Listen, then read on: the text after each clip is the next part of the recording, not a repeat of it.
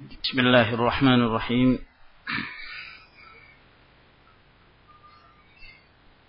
إن الحمد لله نحمده ونستعينه ونستغفره ونعوذ بالله من شرور أنفسنا ومن سيئات أعمالنا. من يهده الله فلا مضل له ومن يضلل فلا هادي له وأشهد أن لا إله إلا الله وحده لا شريك له وأشهد أن محمدا عبده ورسوله. يا أيها الذين آمنوا اتقوا الله حق تقاته. ولا تموتن إلا وأنتم مسلمون. يا أيها الناس اتقوا ربكم الذي خلقكم من نفس واحدة وخلق منها زوجها وبث منهما رجالا كثيرا ونساء واتقوا الله الذي تساءلون به والأرحام إن الله كان عليكم رقيبا يا أيها الذين آمنوا اتقوا الله وقولوا قولا سديدا. يصلح لكم أعمالكم ويغفر لكم ذنوبكم. ومن يطع الله ورسوله فقد فاز فوزا عظيما. أما بعد معاشر المسلمين rahimanallahu wa iyyakum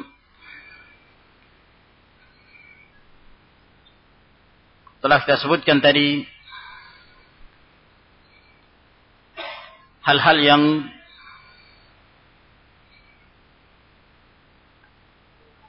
kita berusaha untuk menghidupkan dan membinanya dalam keluarga. Dalam pembinaan keluarga sakinah. Sehingga dengan resep-resep yang ajak disampaikan oleh Rasulullah sallallahu alaihi wa ala alihi wasallam maka itulah yang akan dapat menghidupkan sebuah keluarga yang senantiasa bertakwa kepada Allah Subhanahu wa taala.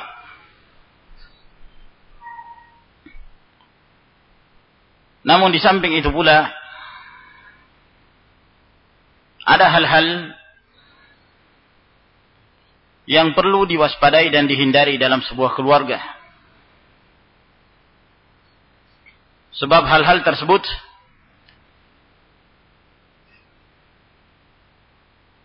adalah merupakan faktor-faktor yang dapat menyebabkan kerusakan dan menghilangkan ketenangan dan ketentraman dalam keluarga tersebut. Yang dapat menyebabkan datangnya kemurkaan Allah dan mengeluarkan mereka dari al-muttaqin orang-orang yang disebut sebagai orang yang senantiasa bertakwa kepada Allah Subhanahu wa taala. Maka di sana ada beberapa hal-hal yang kita sebut dengan mufsidat. Faktor-faktor perusak yang dapat menyebabkan keluarga tersebut keluar dari apa yang telah menjadi bimbingan Allah Subhanahu wa taala dan petunjuk Rasulullah sallallahu alaihi wa alihi wasallam. Pentingnya kita mengetahui perkara ini agar kemudian kita berusaha untuk menghindarinya. Fattaqullaha mastata'tum bertakwalah kepada Allah Subhanahu wa taala sesuai dengan kemampuan kalian. Maka di antara hal-hal yang harus dijauhkan dari sebuah rumah tangga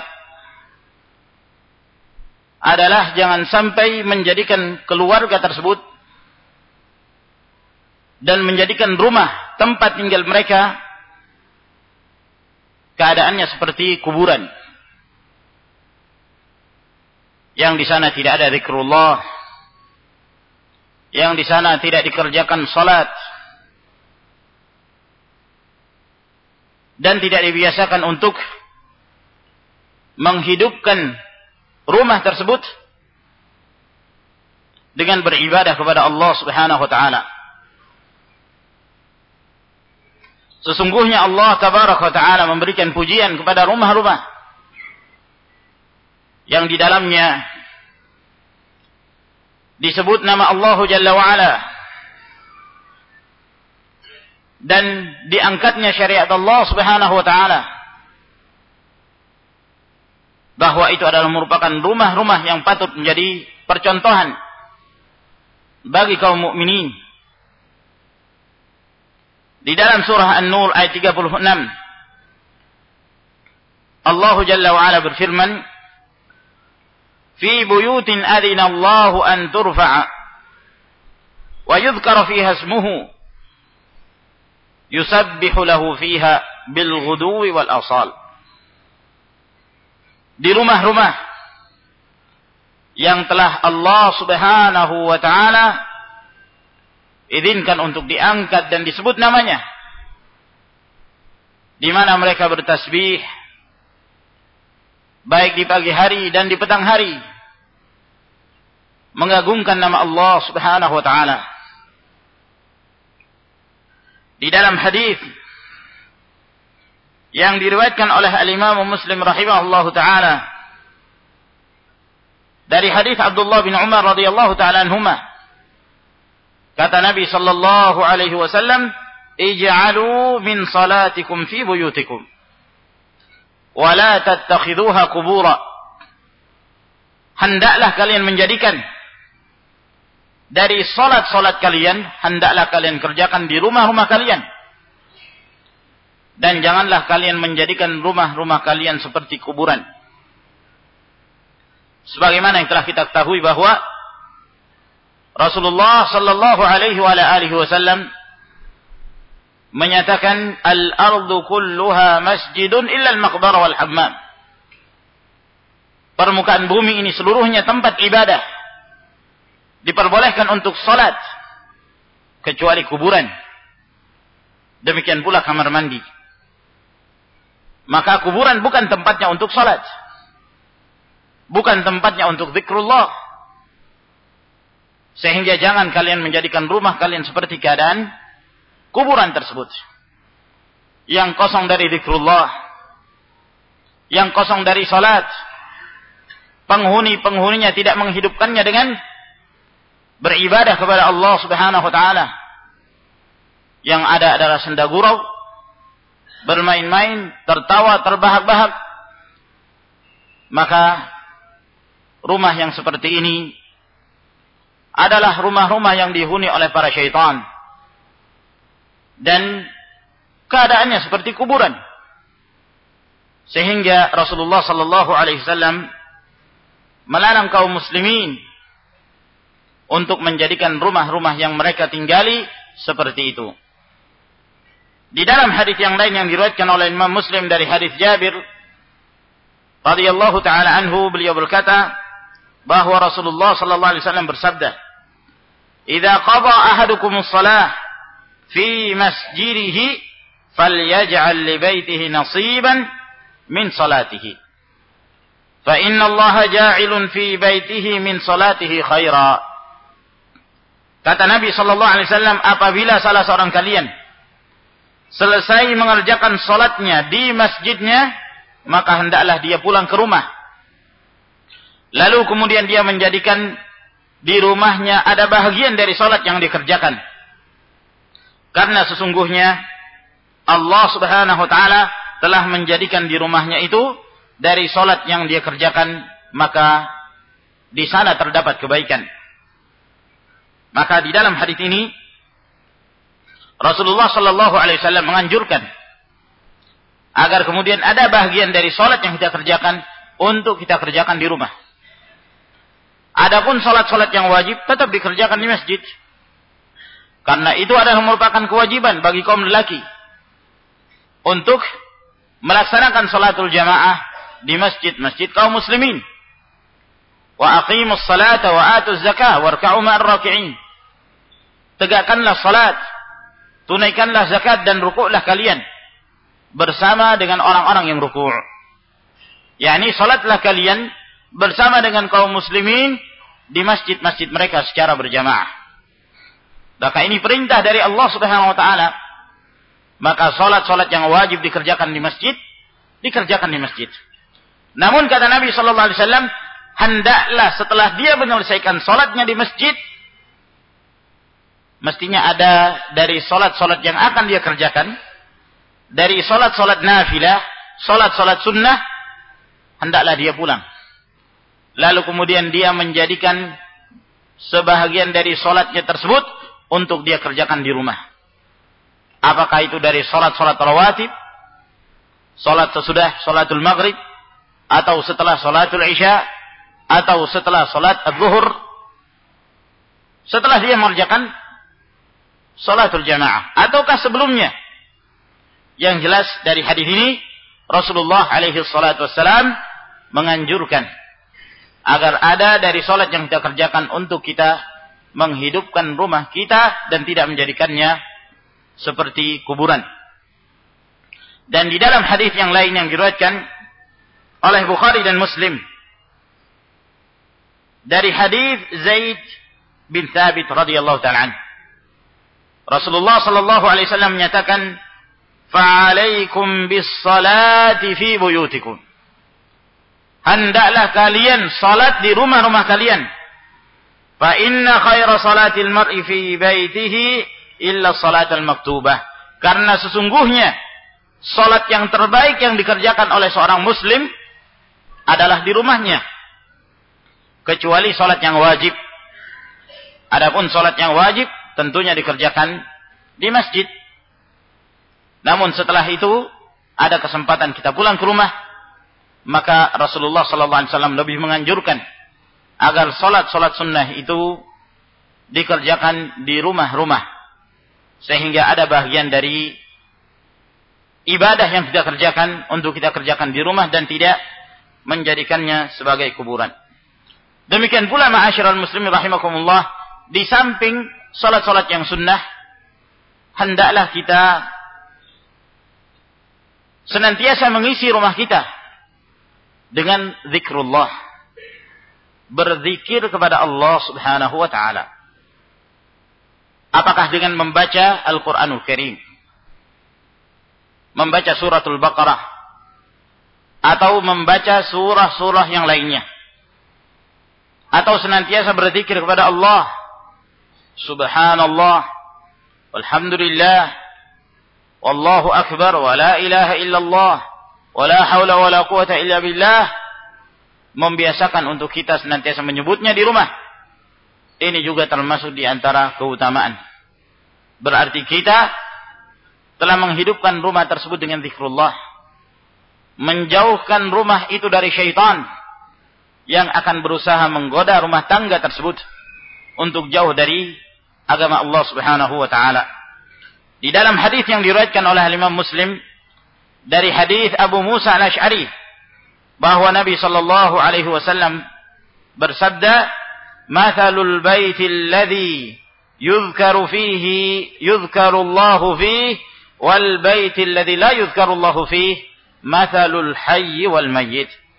Permisalan rumah yang di dalamnya senantiasa penghuninya berzikir kepada Allah dan rumah yang di dalamnya penghuninya tidak berzikir kepada Allah, keadaannya seperti orang yang hidup dan yang mati. Maka rumah yang sama sekali penghuninya tidak berzikir kepada Allah Subhanahu wa taala, maka keadaan mereka seperti orang yang telah mati. Yang sudah tidak ada ruh lagi. Tidak ada kehidupan dalam rumah tangga itu. Sebaliknya orang yang senantiasa menghidupkan rumahnya dengan zikrullah, maka keadaannya seperti orang hidup. Sehingga rumah itu memiliki ruh dan rumah tersebut jauh dari kemiripan seperti kuburan. Sehingga rumah tersebut senantiasa diisi dengan zikrullah tabaraka wa taala. Dalam hadis yang diriwayatkan oleh Imam Muslim dari hadis Abu Hurairah kata Nabi sallallahu alaihi wasallam la taj'alu buyutakum maqabir. Inna asyaitana yanfiru minal baiti alladhi tuqra'u fihi suratul baqarah. Janganlah kalian menjadikan rumah-rumah kalian seperti kuburan. Sesungguhnya syaitan itu akan lari dari rumah yang di dalamnya penghuninya membaca suratul Baqarah. Maka di dalam hadis ini keutamaan membaca suratul Baqarah bahwa surah ini termasuk di antara surah yang dapat menyebabkan syaitan itu lari dari rumah dan dijauhkan dari rumah tangga tersebut. Kemudian perkara yang kedua yang hendaklah dijauhkan dari rumah kita yaitu apa yang dilakukan oleh kebiasaan orang-orang jahil yang mereka tidak merasa bahwa ternyata itu adalah perkara yang dapat menjerumuskan mereka pada kekufuran. Kepada kesyirikan. Yaitu bergantung kepada benda-benda yang diyakini mendatangkan manfaat dan dapat mencegah dari kemudaratan. Mencegah dari bala. Menurut anggapan mereka. Seperti sebagian mereka yang menggantungkan jimat-jimat di rumahnya, menggantungkan mantra-mantra di rumahnya, dan percaya kepada benda-benda tertentu yang dapat mengusir pencuri, yang dapat mengusir syaitan, yang pada hakikatnya justru akan meramaikan syaitan untuk tinggal di rumahnya. Menjadikan rumahnya rumah syaitan. Menjadikan pancingan kepada para syaitan untuk berkumpul di rumahnya. Sehingga semakin jauh dari tawakal mereka kepada Allah Subhanahu wa taala. Tawakalnya kepada benda-benda tersebut. Apa yang kita dapatkan di rumah-rumah, bahkan rumah-rumah kaum muslimin. Di depan rumah itu kadang-kadang sudah ada benda-benda yang aneh. Ada yang bentuknya seperti tanduk, ada yang bentuknya semacam tulisan-tulisan yang tidak bisa difahami. Ya, yang ternyata katanya itu bisa mengusir bala. Bisa menolak bala, mengusir para pencuri. Ya subhanallah. Mana bisa pencuri mempan dengan jimat-jimat yang sama sekali tidak dapat memberikan manfaat tersebut. Mungkin pencurinya tidak bisa masuk karena penjaganya adalah para syaitan penjaganya adalah para syaitan. Disebabkan karena dijadikan penghuni rumah tersebut untuk percaya kepada benda-benda itu. Percaya kepada selain Allah Subhanahu wa taala ada yang mampu menolak kemudaratan.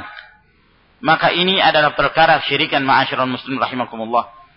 Hindari rumah kita untuk percaya kepada hal-hal tersebut percaya kepada ucapannya orang-orang yang tidak normal walaupun mereka menyebut diri mereka paranormal.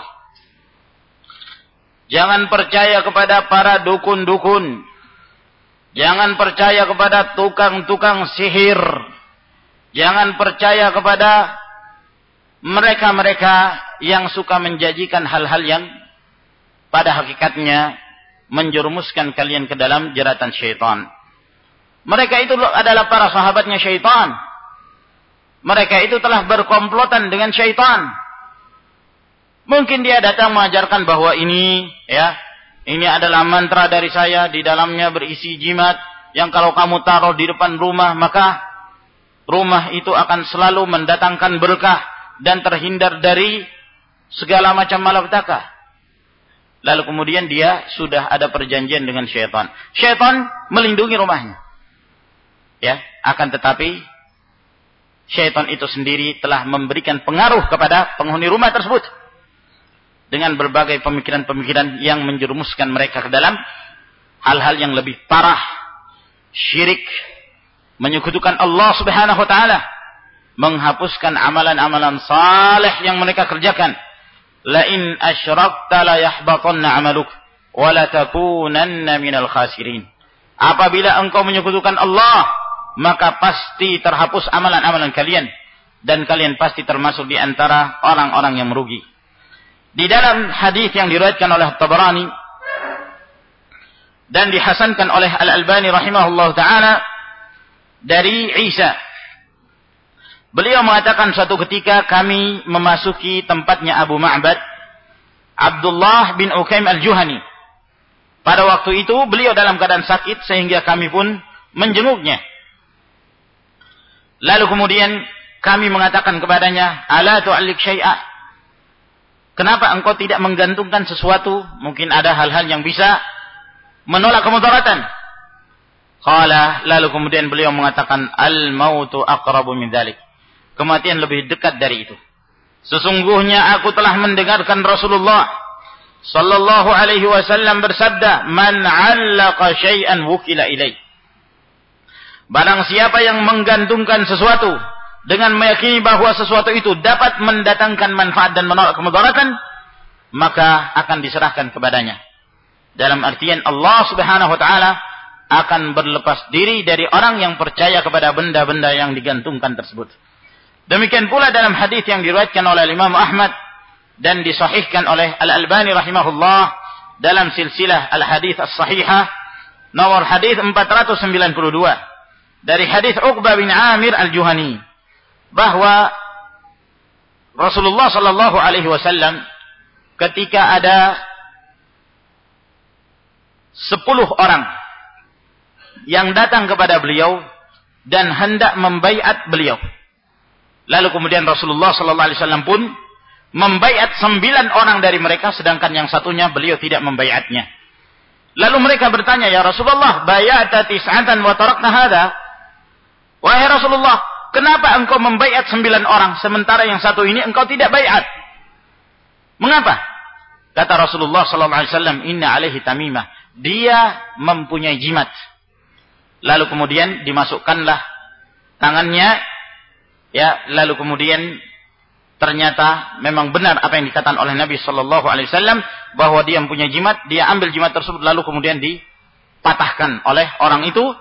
Lalu setelah itu Rasulullah sallallahu alaihi wasallam pun membaiat orang tersebut dan beliau bersabda man 'allaqa tamimatan faqad asyrak. Barang siapa yang menggantungkan jimat maka sungguh dia telah menyekutukan Allah subhanahu wa ta'ala. Maka ini ma'asyiral ikhwah rahimakumullah termasuk di antara hal yang sangat penting.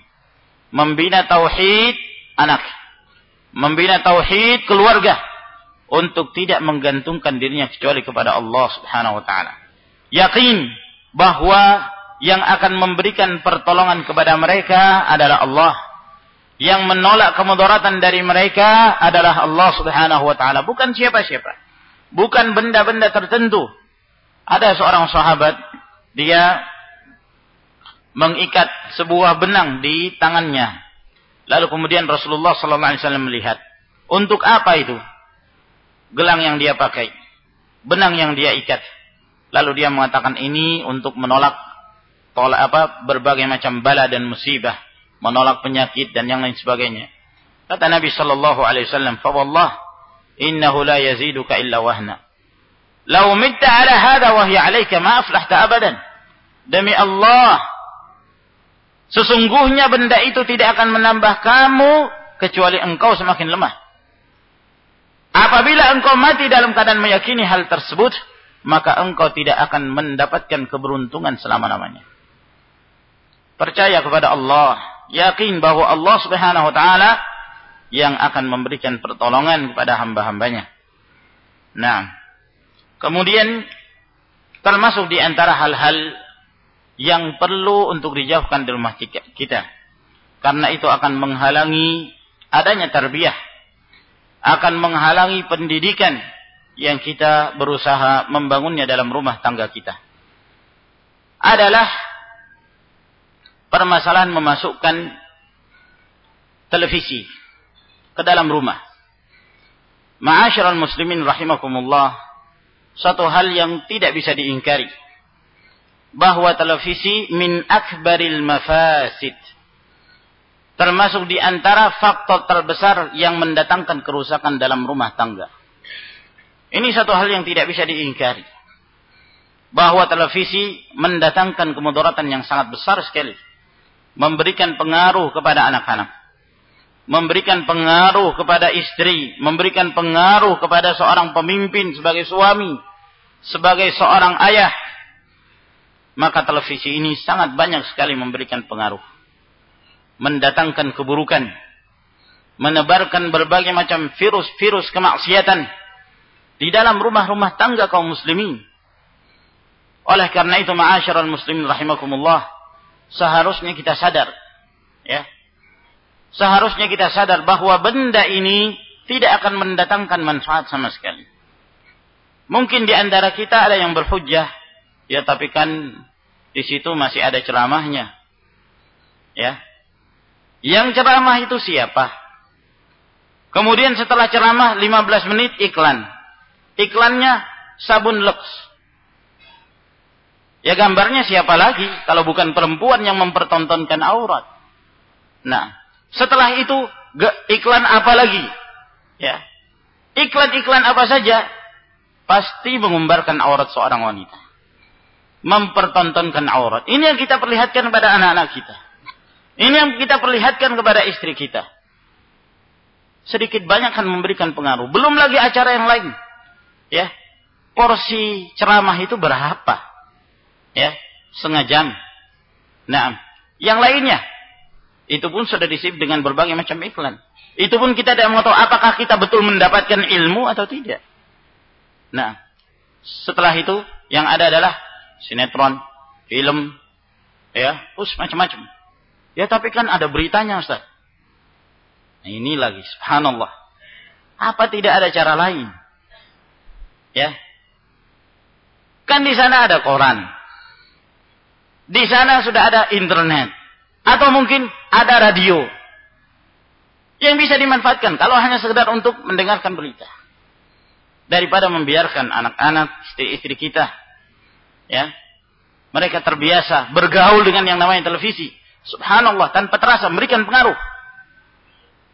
Ya, anak-anak itu kenapa mereka pintar bernyanyi? Nyanyinya bukan nyanyi biasa, nyanyi cinta misalnya. Ya, joget. Dari mana? Ya kemarin nonton di televisi acara ini misalnya. Nah, sebagaimana telah kita sebutkan bahwa yang namanya anak-anak itu sangat mudah untuk meniru sesuatu. Apa yang dia lihat di hadapannya itu yang akan dia tiru. Sehingga ma'asyiral muslim rahimakumullah, sesungguhnya benda ini wallahul musta'an termasuk di antara tauhidnya zaman ini yang dapat merusak sekian banyak dari kaum muslimin dan tidak mendatangkan kebaikan. Kalaulah dikatakan mendatangkan kebaikan, mana yang lebih besar dampaknya? Allah Subhanahu wa taala ketika menyebutkan tentang judi, tentang khamr, yas'alunaka 'anil khamri wal maisir, qul fihima ithmun kabirun wa manafi'u linnas. Katakan bahwa pada perjudian dan khamr itu terdapat dosa yang sangat besar, tapi ada manfaatnya untuk manusia. Wa ithmuhuma akbaru min naf'ihima. Dan dosanya itu lebih besar daripada manfaatnya. Dalam artian di dalam syariat Allah Subhanahu wa taala ini apabila ada sesuatu yang ada manfaat dari satu sisi namun mendatangkan kemudaratan yang lebih besar maka itu diharamkan oleh syariat diharamkan oleh Islam oleh karena itu kalau kita perhatikan apa saja yang diharamkan oleh Allah, apa saja yang diharamkan oleh Rasulnya, pasti terhadap sesuatu yang diharamkan itu di sana akan terdapat kemudaratan yang 100% ataukah kemudaratannya lebih besar daripada manfaatnya. Kerusakannya lebih besar daripada manfaatnya. Sekarang kita kembalikan pada diri, diri kita. Tanyakan kepada hati nurani. Apakah ada manfaatnya tatkala kita masukkan televisi ke dalam rumah kita. Tanyakan pada diri kita. Ya. Allah Subhanahu wa taala akan bertanggung jawab kepada kita sekalian nanti di akhirat. Mereka akan mempertanyakan bagaimana pendidikan kita kepada keluarga kita ketika kita masukkan televisi. Berarti kita membiarkan anak-anak kita mereka belajar dari seorang ustadz yang namanya televisi. Nah, dari situlah mereka terdidik. Dari situlah mereka membina watak mereka, tabiat mereka, kebiasaan mereka, akhlak, akidah. Semua ada di situ. Subhanallah dan orang tua bertanggung jawab dalam hal ini. Sehingga ma'asyiral ikhwah rahimakumullah, para ulama memberikan nasihat dan sering-seringnya mereka menyampaikan nasihat masalah ini. Syekh Muhammad bin Shalih Al-Utsaimin rahimahullah taala dalam salah satu fatwa beliau dari Fatwa Al-Haram An-Nabawi dari kaset ini saya transkrip kaset yang ke-31 site yang pertama Syekh Muhammad bin Shalih Al-Utsaimin ditanya oleh seseorang, dia mengatakan indi tilfazun fil bait. Saya punya televisi di rumah. Wala usyahidu fihi al-muharramat, walakinna auladi yushahiduna fihi aflam kartun faqat. Dan saya tidak pernah menonton hal-hal yang diharamkan. Ingat, pertanyaan ini berasal dari Arab Saudi ya. Ya. Ya bisa dibedakan acara-acara dari televisi Arab Saudi dengan acara-acara di televisi di tanah air kita ini. Nah, ya, dia mengatakan saya tidak pernah menonton yang diharamkan. Walakinna auladi akan tetapi anak-anak saya mereka suka menyaksikan film-film kartun saja. Nah, entah apa film kartun di Saudi itu, saya tidak mengerti. Ya, ya kalau film kartun di Indonesia ini apa? Sinchan, ya, yang dikenal sebagai anak yang nakal, yang suka durhaka kepada orang tuanya. Nah, apalagi Doraemon yang dikenal mampu mendatangkan hal-hal yang ajaib, yang luar biasa, sehingga kalau temannya itu temannya dalam kondisi membutuhkan sesuatu bukan berdoa kepada Allah tapi minta kepada Doraemon. Tawakalnya kepada si Doraemon. Nah, film apa lagi? Film kartunnya rakyat ada yang ada di negeri kita yang tercinta ini? Hah? Nah, saya sudah nggak tahu kalau ada yang lain, ya, kurang masyhur mungkin. Nah, walhasil ada lagi yang lain, yang subhanallah tanpa terasa membina mental seseorang, membina akidah seseorang. Ya, apa jadinya kalau seorang anak ketika dia berjalan, lalu di dekatnya ada seorang wanita berhijab Jilbabnya warna hitam. Lalu dia lari. Hantu, hantu. Nah, dari mana dia ketahui bahwa model seperti itu hantu? Dari mana? Biasanya, ya, ya dari mungkin ada film-film horor, mungkin ada sinetron-sinetron horor yang menggambarkan kalau hitam itu hantu. Iya kan? Memberikan pengaruh. Nah, ini sebagian kecil yang kita sebutkan. Ya, orang-orang yang terbiasa dengan televisi, ya tentu lebih mengetahui lebih banyak lagi. Coba bayangkan, kalau sudah nonton televisi, tafakur sendirian, apa faedahnya ya? Nonton sinetron misalnya. Selesai nonton sinetron, berpikir, apa faedahnya? Pikirkan sendiri. Nah, dibanding kalau kemudian waktu berapa jam itu yang dihabiskan. Kalau subhanallah dia menghabiskan waktunya membaca Al-Quran Karim. Man qara'a harfan min kitabillahi subhanahu wa ta'ala falahu bihi hasanah wal hasanatu bi ashri amthaliha ila sab'imi'ati dhi'fin la aqul alif lam mim harfun walakin alifun harfun wa lamun harfun wa mim harfun ya siapa yang membaca satu huruf dari kitabullah maka dia mendapatkan satu kebaikan satu kebaikan sama dengan sepuluh kali melakukan kebaikan Sepuluh kali melakukan kebaikan dilipat gandakan menjadi tujuh ratus kali lipat. Saya tidak mengatakan alif lam mim itu satu huruf. Tapi alif satu huruf, lam satu huruf, mim satu huruf. Nah, berarti kalau kita membaca sepanjang waktu itu, baca Quran satu juz saja, sudah berapa besar pahala yang kita berikan. Nonton sinetron, ada pahala? Pahala apa yang didapatkan? Yang didapatkan paha bukan pahala. Ya. Nah, melihat aurat orang, Allah musta'an. Kata Syekh Al-Allamah Ibn Uthaymin rahimahullah ta'ala, nasihati li kulli muslim. Nasihatku untuk setiap muslim. Ayyatajannabat tilfaz wa idkhalahu baitah. Hendaklah dia menjauhi televisi. Lalu dia masukkan ke dalam rumahnya. La siyama ma'a wujudid dushush. Terlebih lagi kalau televisinya disertai dengan parabola. Nah, kalau sekarang bukan parabola lagi. Apa itu? Uh, televisi kabel atau apalagi Indovision. Hah? Apa sih namanya itu? Saya kurang tahu juga. Hah? Subhanallah. Atau yang lain-lainnya. Hmm? Subhanallah. Mau nonton apa saja. Film. Ada acara film semuanya. Iya kan? Ada olahraga. Senang olahraga. Olahraga semuanya sepanjang waktu dihabiskan waktu kita bersama dengan ustadz televisi. Nah, ustadznya televisi. Karena dia akan terdidik dari situ. Mendapatkan info berita dari situ.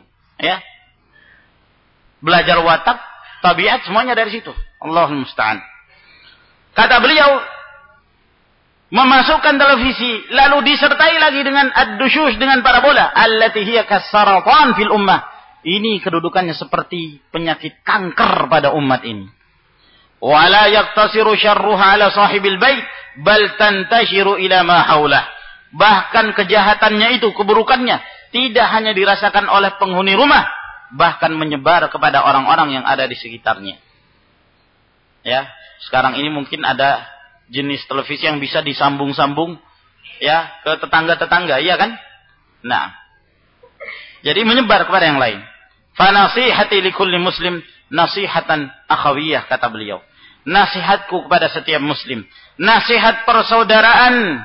Ayyatajannaba idkhalat televisiun fi baitih. Hendaklah dia menjauhi untuk memasukkan televisi ke dalam rumahnya. Liannahu yaslamu wa yaslamu ahluh. Karena dia akan selamat dan akan selamat pula keluarganya. Wa huwa la yadri fala'allahu al-yawma yumkinuhu an yusaytir ala nafsihi wa ala ahli walakinnahu gadan la yatamakkan. Dia tidak tahu. Mungkin saja pada hari ini dia bisa mengatur anak-anaknya. Dia bisa mengatur keluarganya. Kamu jangan nonton ini, ini, ini. Kamu nonton berita saja, misalnya. Mungkin pada awalnya dia bisa mengatur.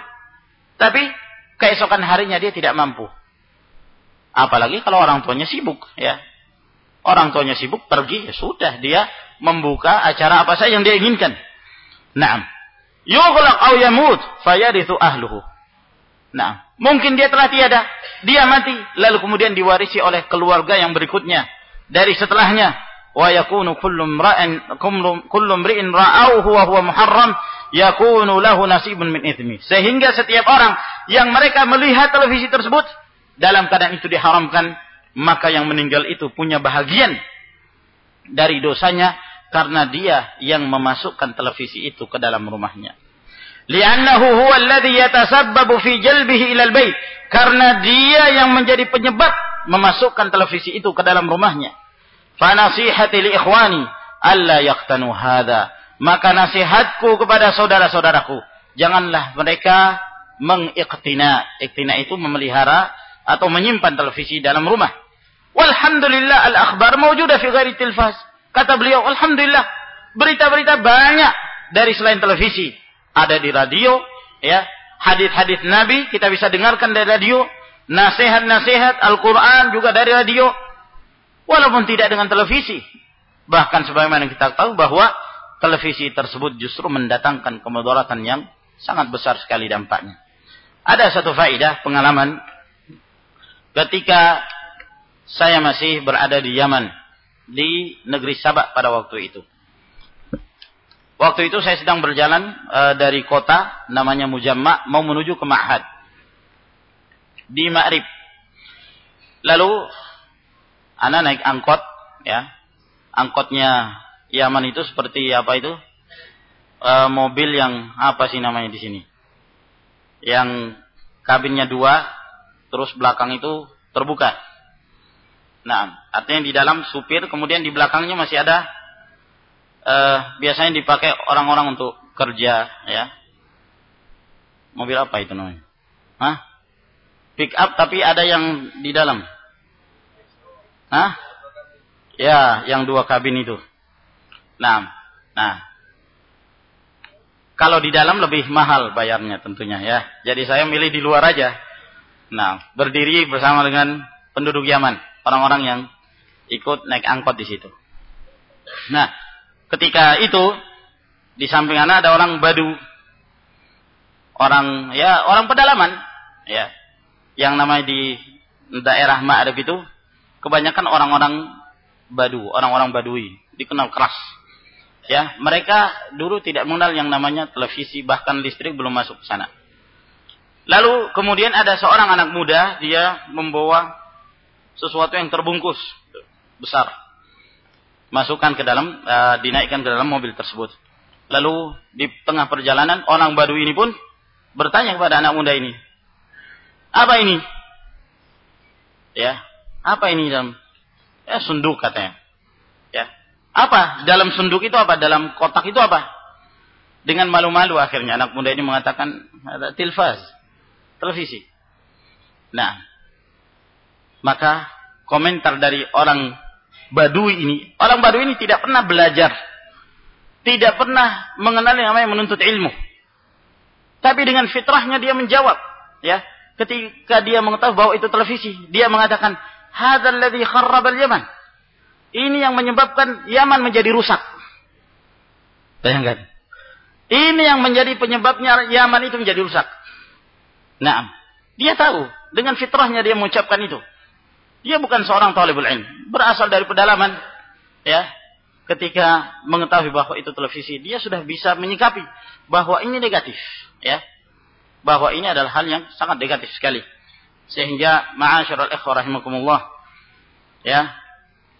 Seharusnya yang seperti ini bukan sesuatu yang diikhtilafkan. Ya. Karena melihat dari kondisi Walaupun kita menghukumi hukum asal televisi gak bisa dihukumi haram. Tapi tergantung dari acaranya. Bahkan kata Syekh Al-Albani rahimahullah ta'ala. Mungkin suatu saat ketika ada televisi yang di sana. Dia menyiarkan khusus tentang syariat Islam. Ya, berita-berita tentang Islam. Tentang syariat Islam. Undang-undang dalam Islam.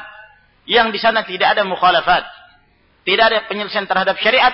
Kata beliau, mungkin saya tidak akan mengatakan itu adalah satu yang boleh, bahkan saya mengatakan itu wajib. Ya. Itu adalah satu hal yang wajib demi untuk menyampaikan syariat Islam.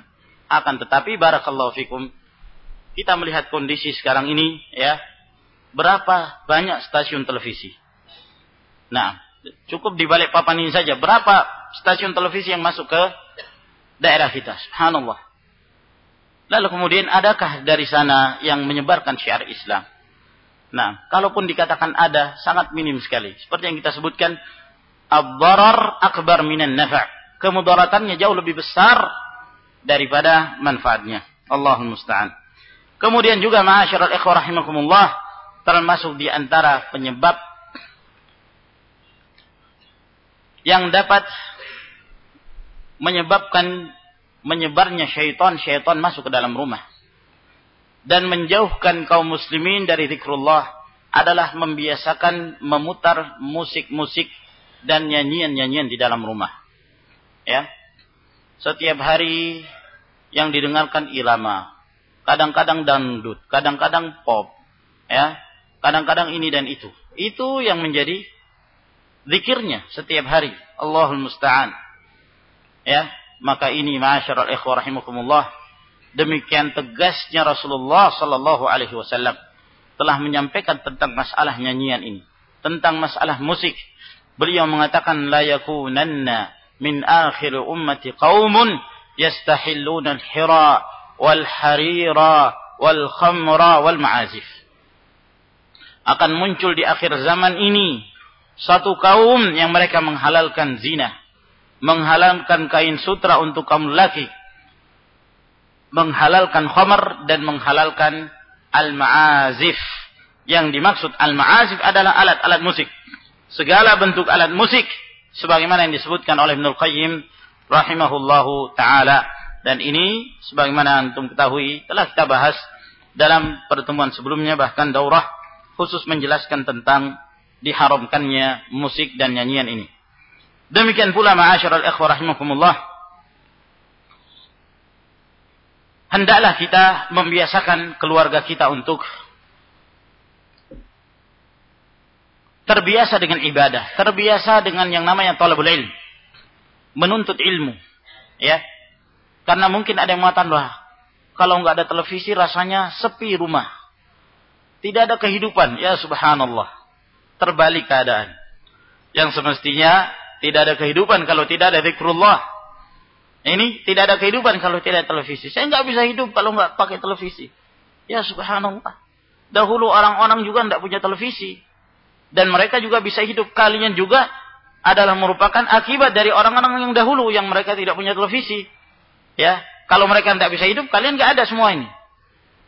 Menunjukkan bahwa hal yang demikian tidak memudaratkan walhamdulillah dan telah dicoba oleh mereka-mereka yang berusaha meninggalkan berbagai macam kemungkaran ini dan alhamdulillah mereka nikmat dengan yang lain mereka nikmat dengan zikrullah subhanahu wa taala wah masa baca Quran terus Masa zikrullah terus?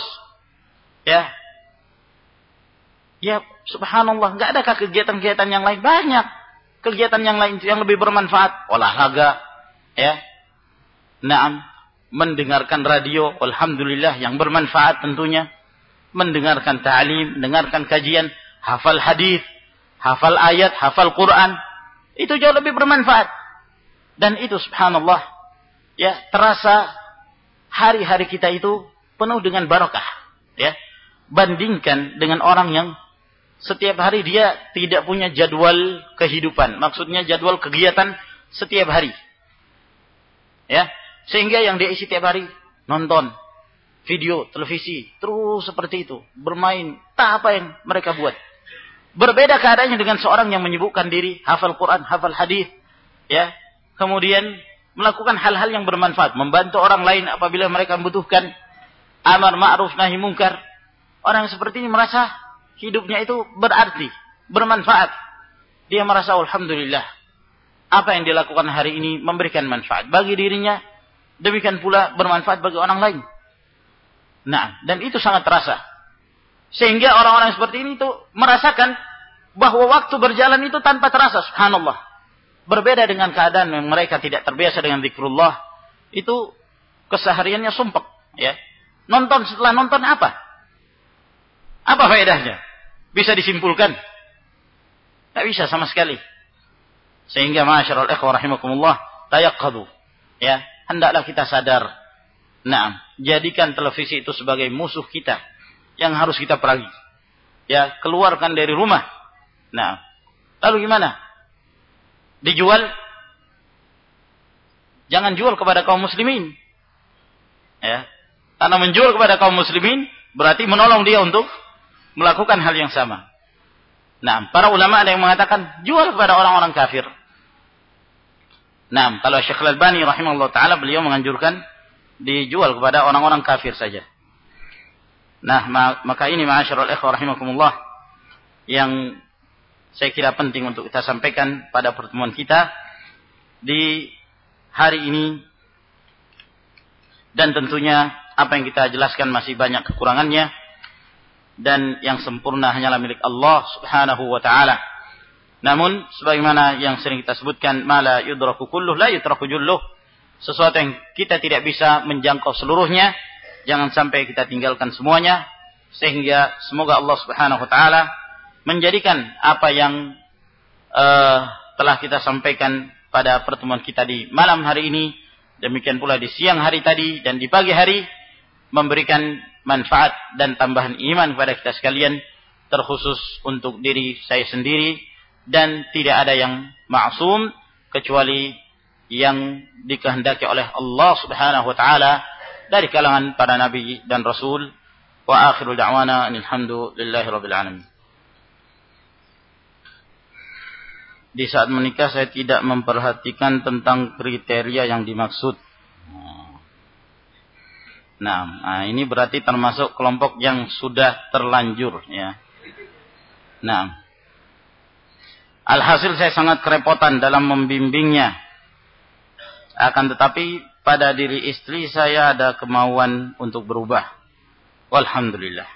Namun dia tidak bisa membaca Al-Quran sama sekali. Apalagi bacaan-bacaan dalam sholat. Dan istri saya berkata ini kesalahan pada orang tua saya yang tidak pernah menganjurkan untuk belajar agama di waktu masih kecil. Lalu bagaimana tanggung jawab seorang suami yang menerima dengan keadaan tersebut? Yang pertama, ma'asyarul muslim rahimakumullah, khususnya kepada yang bertanya ini, walhamdulillah. Bersyukurlah kepada Allah subhanahu wa ta'ala ketika mendapatkan seorang istri yang mau sadar tatkala dia dalam keadaan lalai yang ingin bertobat ketika dia telah terjatuh dalam perbuatan dosa, yang ingin berusaha memperbaiki diri ketika sebelumnya dia menyadari keburukannya. Maka ini menunjukkan bahwa pada istri yang bertanya memiliki kebaikan insyaallah taala. Sehingga hendaklah berusaha. Mulai dari awal kemudian kita berusaha saling ta'awun sebagaimana kita sebutkan. Kalau tidak bisa membaca Al-Qur'an, usahakan belajar Ya, kalau suami tidak mampu mengajar, ya cari siapa yang bisa mengajar. Mungkin dari tetangganya ada yang bisa, ya, yang solehah, yang bisa mendidiknya. Maka yang namanya menuntut ilmu tidak ada batasan umur. Maka walaupun dalam kondisi tua, tetaplah ya untuk selalu membiasakan diri belajar. Kalaupun terus berusaha untuk belajar, belajar, belajar, tapi mentok terus, nggak bisa terus. Ya alhamdulillah sudah ada usaha dan usaha itu insyaallah taala akan dicatat oleh Allah Subhanahu wa taala. Yang jelas suami tetap bertanggung jawab, dia berusaha untuk e, bersama-sama dengan istrinya untuk memperbaiki diri. Apa yang telah lalu sudahlah dilupakan dan kemudian berjalan ke depan melihat masa depan yang insyaallah taala itu jauh lebih baik apabila mereka berusaha membina dengan takwa Allah tabaraka wa taala. Bagaimana Ustaz hukum pernikahan pasangan yang orang tua istrinya tidak mengetahui kalau anak putrinya telah menikah? Hal ini terjadi karena orang tua wanita tersebut minta jujuran puluhan juta. Sementara keluarga laki-laki tidak setuju. Maka larilah wanita itu. Mendatangi laki-laki calon suaminya. Kemudian menikah tanpa restu orang tua dan keluarganya. Sahkah pernikahan itu? Perlukah dibujuk orang tua wanita tersebut agar mereka menikahkan anaknya dengan penuh restu? Ma'asyiral muslimin rahimakumullah. Rasulullah alaihi salatu wassalam mengatakan la nikaha illa biwali. Tidak ada pernikahan dan tidak sah yang namanya pernikahan kecuali dengan wali. Maka hadis ini menjelaskan bahwa di antara syarat pernikahan harus dengan adanya wali. Apakah orang tua dalam hal ini bapaknya wanita tersebut ataukah saudara-saudaranya laki-laki ataukah paman-pamannya yang akan bertindak sebagai wali dalam menikahkan wanita tersebut. Kalau tidak maka tidak sah. Ya, kalau tidak maka yang demikian ini tidak sah hukumnya. Nah, sehingga apabila telah dilakukan hal yang seperti ini maka hendaklah diperbaharui pernikahannya tersebut. Hendaklah diperbaharui pernikahannya. Nah, terkecuali kalau misalnya ya orang tuanya berusaha untuk terus menahan, menahan, ya. Dia sengaja anaknya terus tidak ingin dinikahkan. Ada orang datang menikah, ditahan. Tak boleh nikah lalu kemudian mahar jadikan sebagai alasan. Nah, tidak melihat dari sisi ketakwaan seorang, tapi dilihat dari sisi dunianya. Maka kalau demikian keadaannya, Rasul Sallallahu Alaihi Wasallam mengatakan, "Fanishtajaru fasultan waliyuman la waliyalah." Serahkan kepada pemerintah. Ya, serahkan kepada pemerintah. Pemerintah yang menikahkan. Nah, maka sultan pemerintah itulah yang akan menjadi wali bagi orang yang tidak ada wali.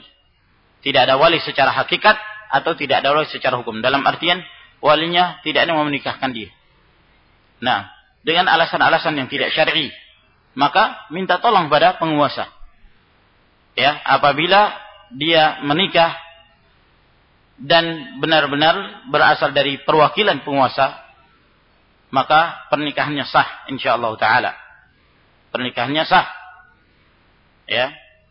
Tapi di sini ya, tidak disebutkan apakah uh, pernikahan mereka itu terjadi uh, dalam keadaan tercatat ya di pemerintahan dalam artian pemerintah betul-betul uh, ada perwakilan dari mereka yang akan menikahkan dalam hal ini mungkin imam ya atau dari departemen agama yang resmi maka yang demikian menjadi sah.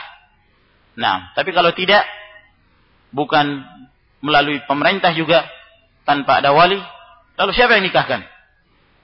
Nah, nikah sirri. Ya, yang ini yang tidak diperbolehkan. Maka barakallahu fikum tempuh dulu cara yang pertama, yaitu wali.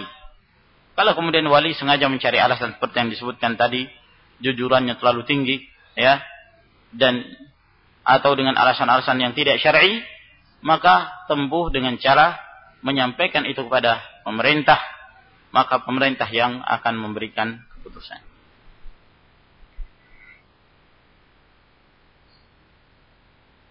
Nah, apakah seorang membiarkan istrinya kerja di luar lalu suami itu disebut dayuth? Apakah dayuth itu? Nah, ini mungkin pertanyaan yang diajukan sebelum pembahasannya. Telah kita sebutkan tadi bahwa dayuth adalah orang yang tidak peduli kemungkaran yang terjadi di tengah-tengah keluarganya. Nah, tidak punya rasa kecemburuan.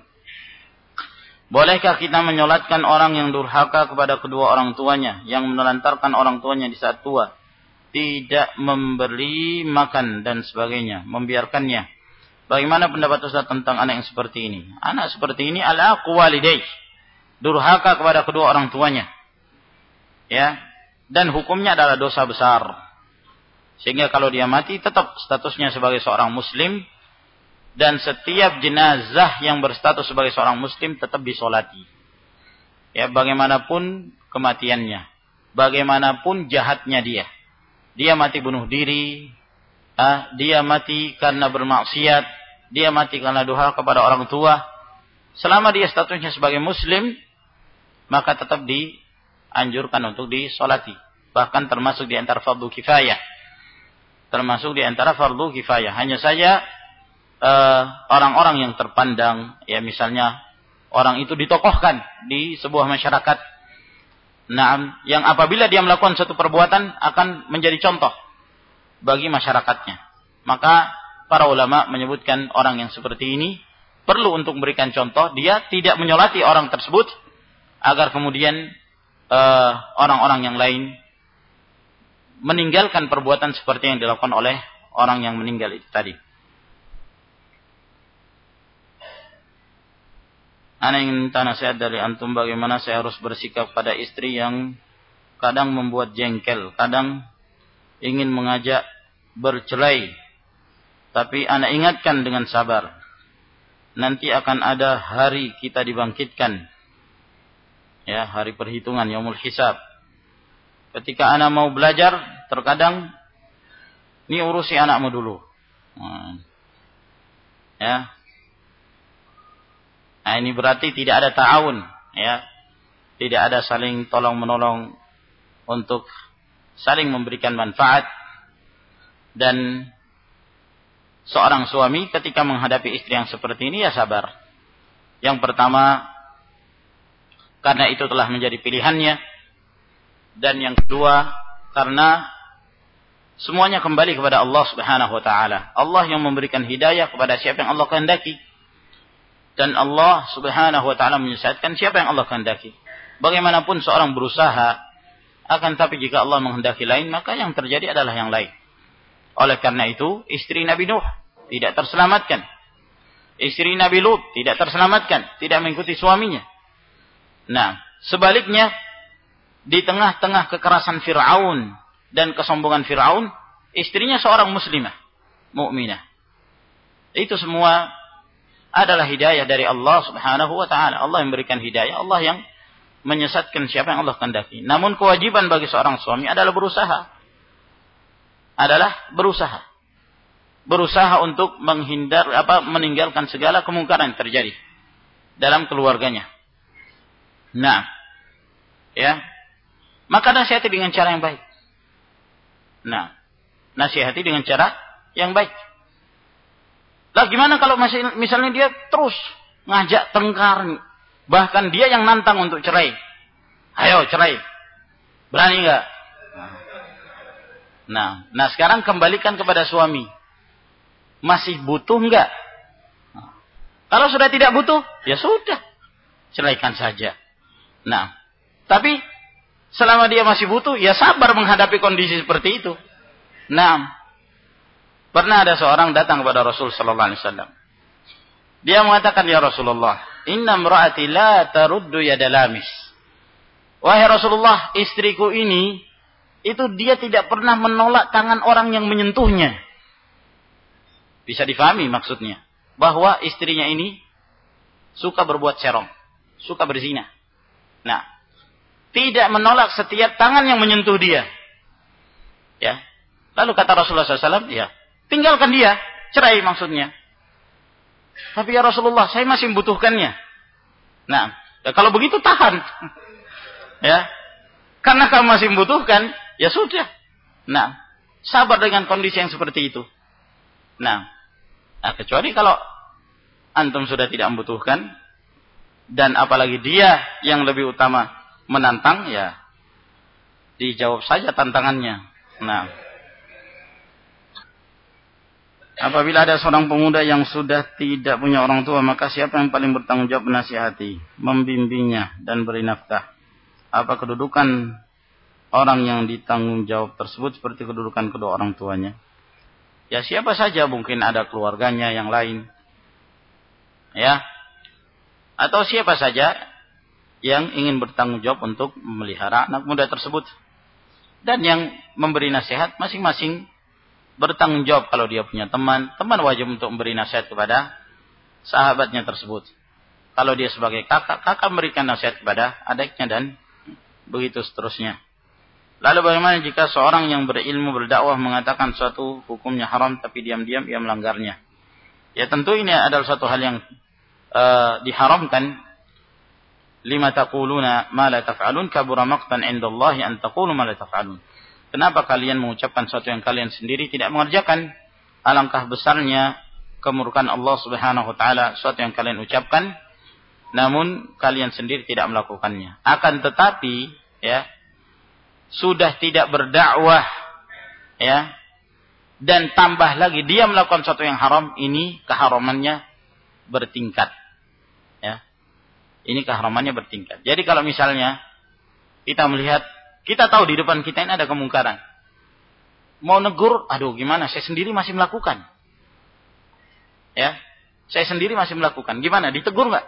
Tegur. Nah, tegur dia, kita hanya mendapatkan satu kesalahan, yaitu apa? Karena dia melakukan sesuatu yang dia perintahkan pada orang, dia larang, sementara dia sendiri melakukannya. Nah, dia satu kesalahan. Tapi kalau dia tidak menegurnya, dua kesalahan. Dia sudah tidak apa dia sudah melakukan pelanggaran itu, tambah lagi dia tidak melarang orang lain mencegah dari kemungkaran. Jadi eh, kesalahannya malah berlipat. Bagaimana orang yang melakukan dosa maksiat dan terus melakukannya padahal dia orang berilmu dan mengetahui hukumnya. Tapi dia malah ingin ada orang yang mengingatkannya dan minta dalil yang sudah dia mengetahuinya. Ya, uh, alim itu seorang yang berilmu, Allahul musta'an. Uh, dalam kekuasaan Allah Subhanahu wa taala, dalam artian kadang-kadang ada seorang berilmu yang memanfaatkan ilmunya. Akan tapi ada juga seorang yang disesatkan oleh Allah Subhanahu wa taala di atas ilmu. Orang-orang Yahudi mengetahui kebenaran, tapi dengan hawa nafsunya mereka meninggalkan kebenaran tersebut dan lebih memilih kesesatan. Maka uh, orang yang seperti ini dia nasihati dengan cara yang baik dan apabila tidak mendengarkan nasihat maka tinggalkan dia dan pelihara diri kalian sendiri. Ana bermaksud berpoligami, istri ana sudah setuju. Nah, bagus ini. Dan wanitanya juga setuju. Nah, lebih bagus lagi. Yang jadi masalah ialah orang tua, wali wanita tersebut tidak setuju. Dikarenakan status anak yang sudah beristri, bagaimana menyikapi permasalahan tersebut? Apakah anak urungkan niat anak atau bagaimana? Ya cari yang lain yang setuju. Ya. Cari yang lain yang wanitanya setuju, orang tuanya juga setuju. Ya. Tapi kalau orang tuanya dikenal tidak senang dengan uh, syariat poligami dan dia menolak karena itu, sampaikan pada penguasa mungkin ada penguasa yang mau menikahkan antum. Nah, Salat sunnah dua rakaat pada malam pertama dengan suara dijaharkan atau disirkan. Boleh dijaharkan. Boleh juga disirkan. Ya, dua-duanya diperbolehkan. Rasul sallallahu alaihi wasallam pernah menjaharkan seperti pada saat beliau mengimami salat di belakangnya Hudzaifah, beliau membaca suratul Baqarah, An-Nisa, Ali Imran yang didengarkan oleh Hudzaifah radhiyallahu taala menunjukkan bahwa beliau menjaharkan. Bagaimana posisinya sejajar atau tidak. Ya kalau dalam sholat uh, makmumnya satu orang maka sejajar. Makmum berdiri di sebelah kanan. Sejajar dengan posisi imam dan tidak di belakang. Yang membaca doa sebelum jima suami saja atau suami istri? Suami saja. Karena hadis itu menyebutkan apabila salah seorang kalian mendatangi istrinya yang memegang ubun-ubun dan dibacakan doa apakah suami saja? Ya suami saja. Istri itu masih pemalu, ya. Masa nyuruh megang ubun-ubun orang yang masih terasa asing bagi dia itu pertama kali pertemuan. Nah, kalau laki-laki kan biasanya malunya lebih kurang, ya. Sehingga setelah akad masuk megang ubun-ubun satu hal yang biasa. Nah, walaupun uh, ya ini menyebabkan bulu kuduk merinding ya. Nah, akan tetapi ya lebih berani dibandingkan dengan wanita. Maka yang memegang wanita. Oleh karena itu beli onta, ontanya tidak perlu megang ubun-ubun. Yang membelinya, ya. Nah,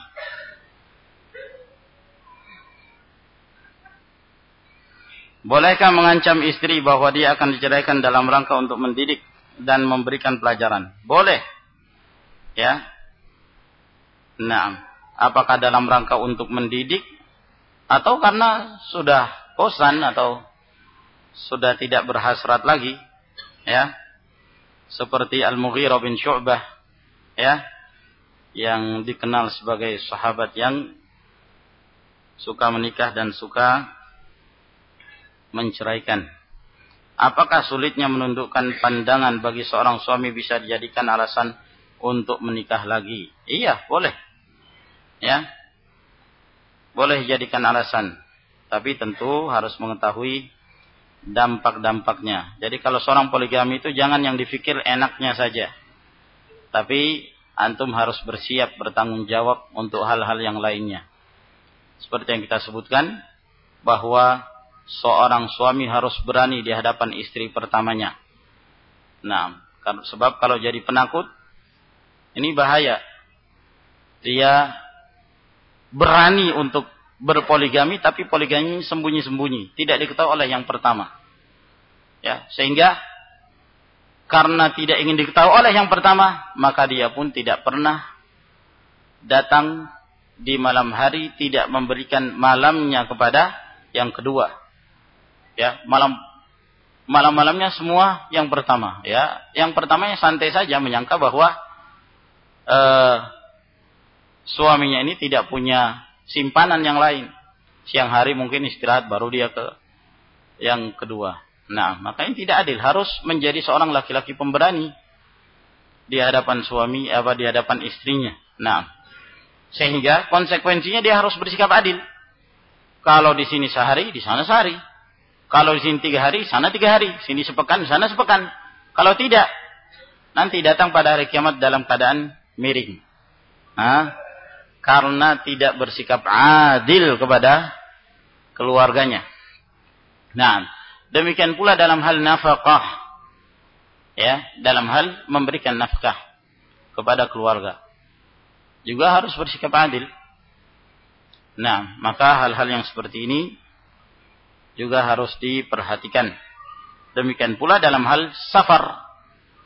Nah, karena safar itu statusnya seperti hadiah. Nah, statusnya seperti hadiah. Ya, sehingga Rasul Shallallahu Alaihi Wasallam ketika hendak safar dengan salah seorang istrinya itu diundi terlebih dahulu.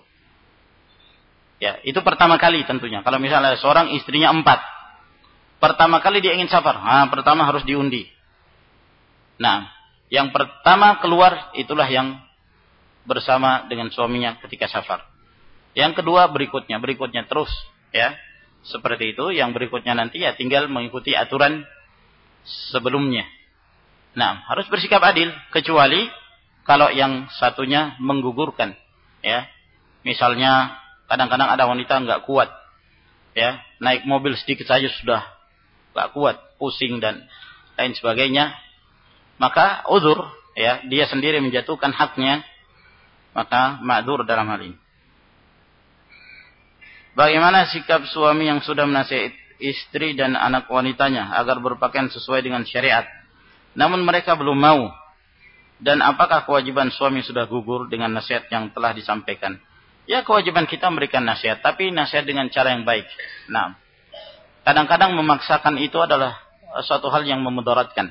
Nah, kadang-kadang mungkin di antara kita yang dahulu tidak pernah ngaji, tidak mengerti yang namanya syariat Islam, yang menikah, kemudian menikah seperti pernikahan, yang lainnya secara umum.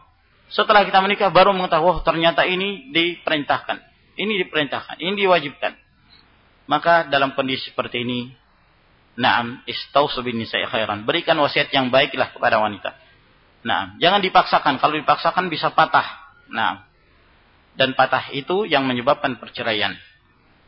Barakallahu fikum. Sehingga berikan nasihat, nasihat dengan cara yang baik. Sambil berdoa kepada Allah Subhanahu wa taala. Sebab yang memberikan hidayah adalah Allahu Jalla wa ala. Maka kita berusaha. Nah, demikian pula misalnya kalau ada seorang anak sudah terlanjur, kita tidak mengetahui bagaimana cara mendidik anak sebelumnya. Dia sudah tumbuh dewasa.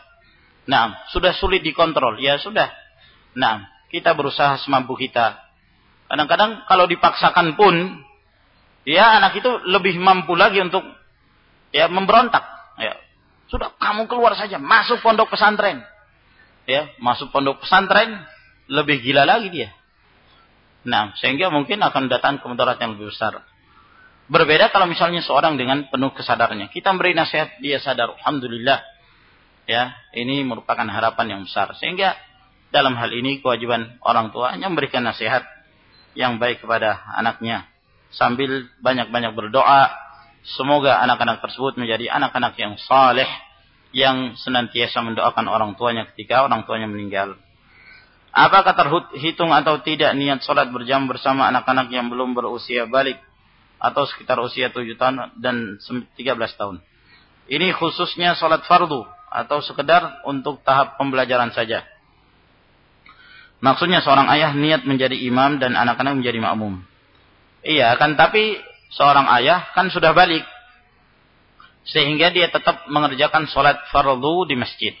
Nah, setelah dia mengerjakan sholat fardu, dia boleh pulang. Memimpin sholat misalnya untuk keluarganya. Atau mungkin untuk anak-anaknya. Yang demikian diperbolehkan untuk mendidik mereka. Apa hukumnya onani? Naam dengan tangan karena istrinya ada halangan untuk bersetubuh agar tidak terjerumus dengan zina dengan wanita lain. Kalau dengan tangan istri boleh. Jangan dengan tangan sendiri. Dengan tangan sendiri haram hukumnya. Sebab Allah Subhanahu wa taala menyebutkan sifat kaum mukminin walladzina alladzina hum li furujihim hafizun illa ala azwajihim aw ma malakat aymanuhum fa innahum ghairu malumin. Faman ibtagha wara'a dzalik fa ulaika humul adun. Orang-orang yang memelihara kemaluannya kaum mukminin kecuali kepada istri mereka atau kepada budak-budak wanita mereka. Itu tidak tercelah. Siapa yang mencari selain itu, mereka itu adalah orang-orang melampaui batas. Maka orang-orang yang istimna, orang yang uh, melakukan onani dengan tangan sendiri ini adalah suatu hal yang diharamkan. Dia telah melakukan suatu dosa besar. Nah, akan tetapi apabila dengan istrinya ya, dengan yakni istri yang bermain-main pada suaminya maka yang demikian diperbolehkan dan tidak termasuk di antara yang diharamkan karena ini termasuk di antara hubungan suami istri. Tadi sempat disinggung tentang wanita yang biasa hidup bebas sehingga ia terjatuh pada perbuatan yang tidak terhormat atau zina. Namun kalau dia terus sadar dan bertobat serta rajin talabul ilm, apa yang mesti dilakukan apabila dilamar oleh seseorang? Apakah berterus terang dengan keadaannya atau bagaimana? Dan bagaimana pula dengan laki-laki yang sempat terjatuh sebagaimana halnya wanita tersebut? Walhasil dalam hal ini barakallahu fikum uh, seorang wanita hendaklah berterus terang tentang keadaan yang dahulu. Nah, sebab kalau dia tidak berterus terang, khawatir nanti akan menimbulkan hal-hal yang tidak diinginkan setelah pernikahan. Nah, maka berterus terang sejak awal itu lebih baik sehingga seseorang atau seorang laki-laki dia membeli sesuatu dengan jelas.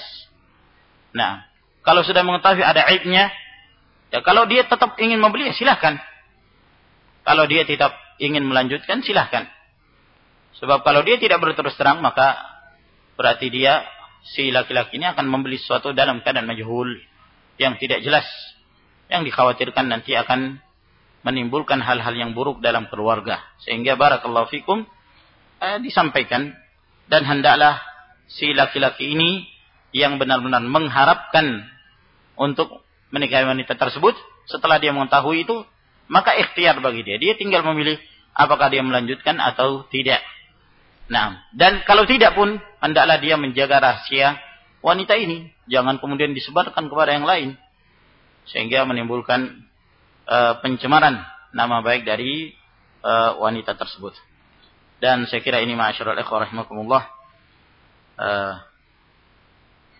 Semoga Allah Subhanahu wa taala memberikan manfaat dari apa yang telah kita bahas pada pertemuan kita di malam hari ini. Walaupun masih banyak pertanyaan insyaallah taala mudah-mudahan di waktu yang lain bisa kita jawab dan kemampuan anak hanya sampai di sini.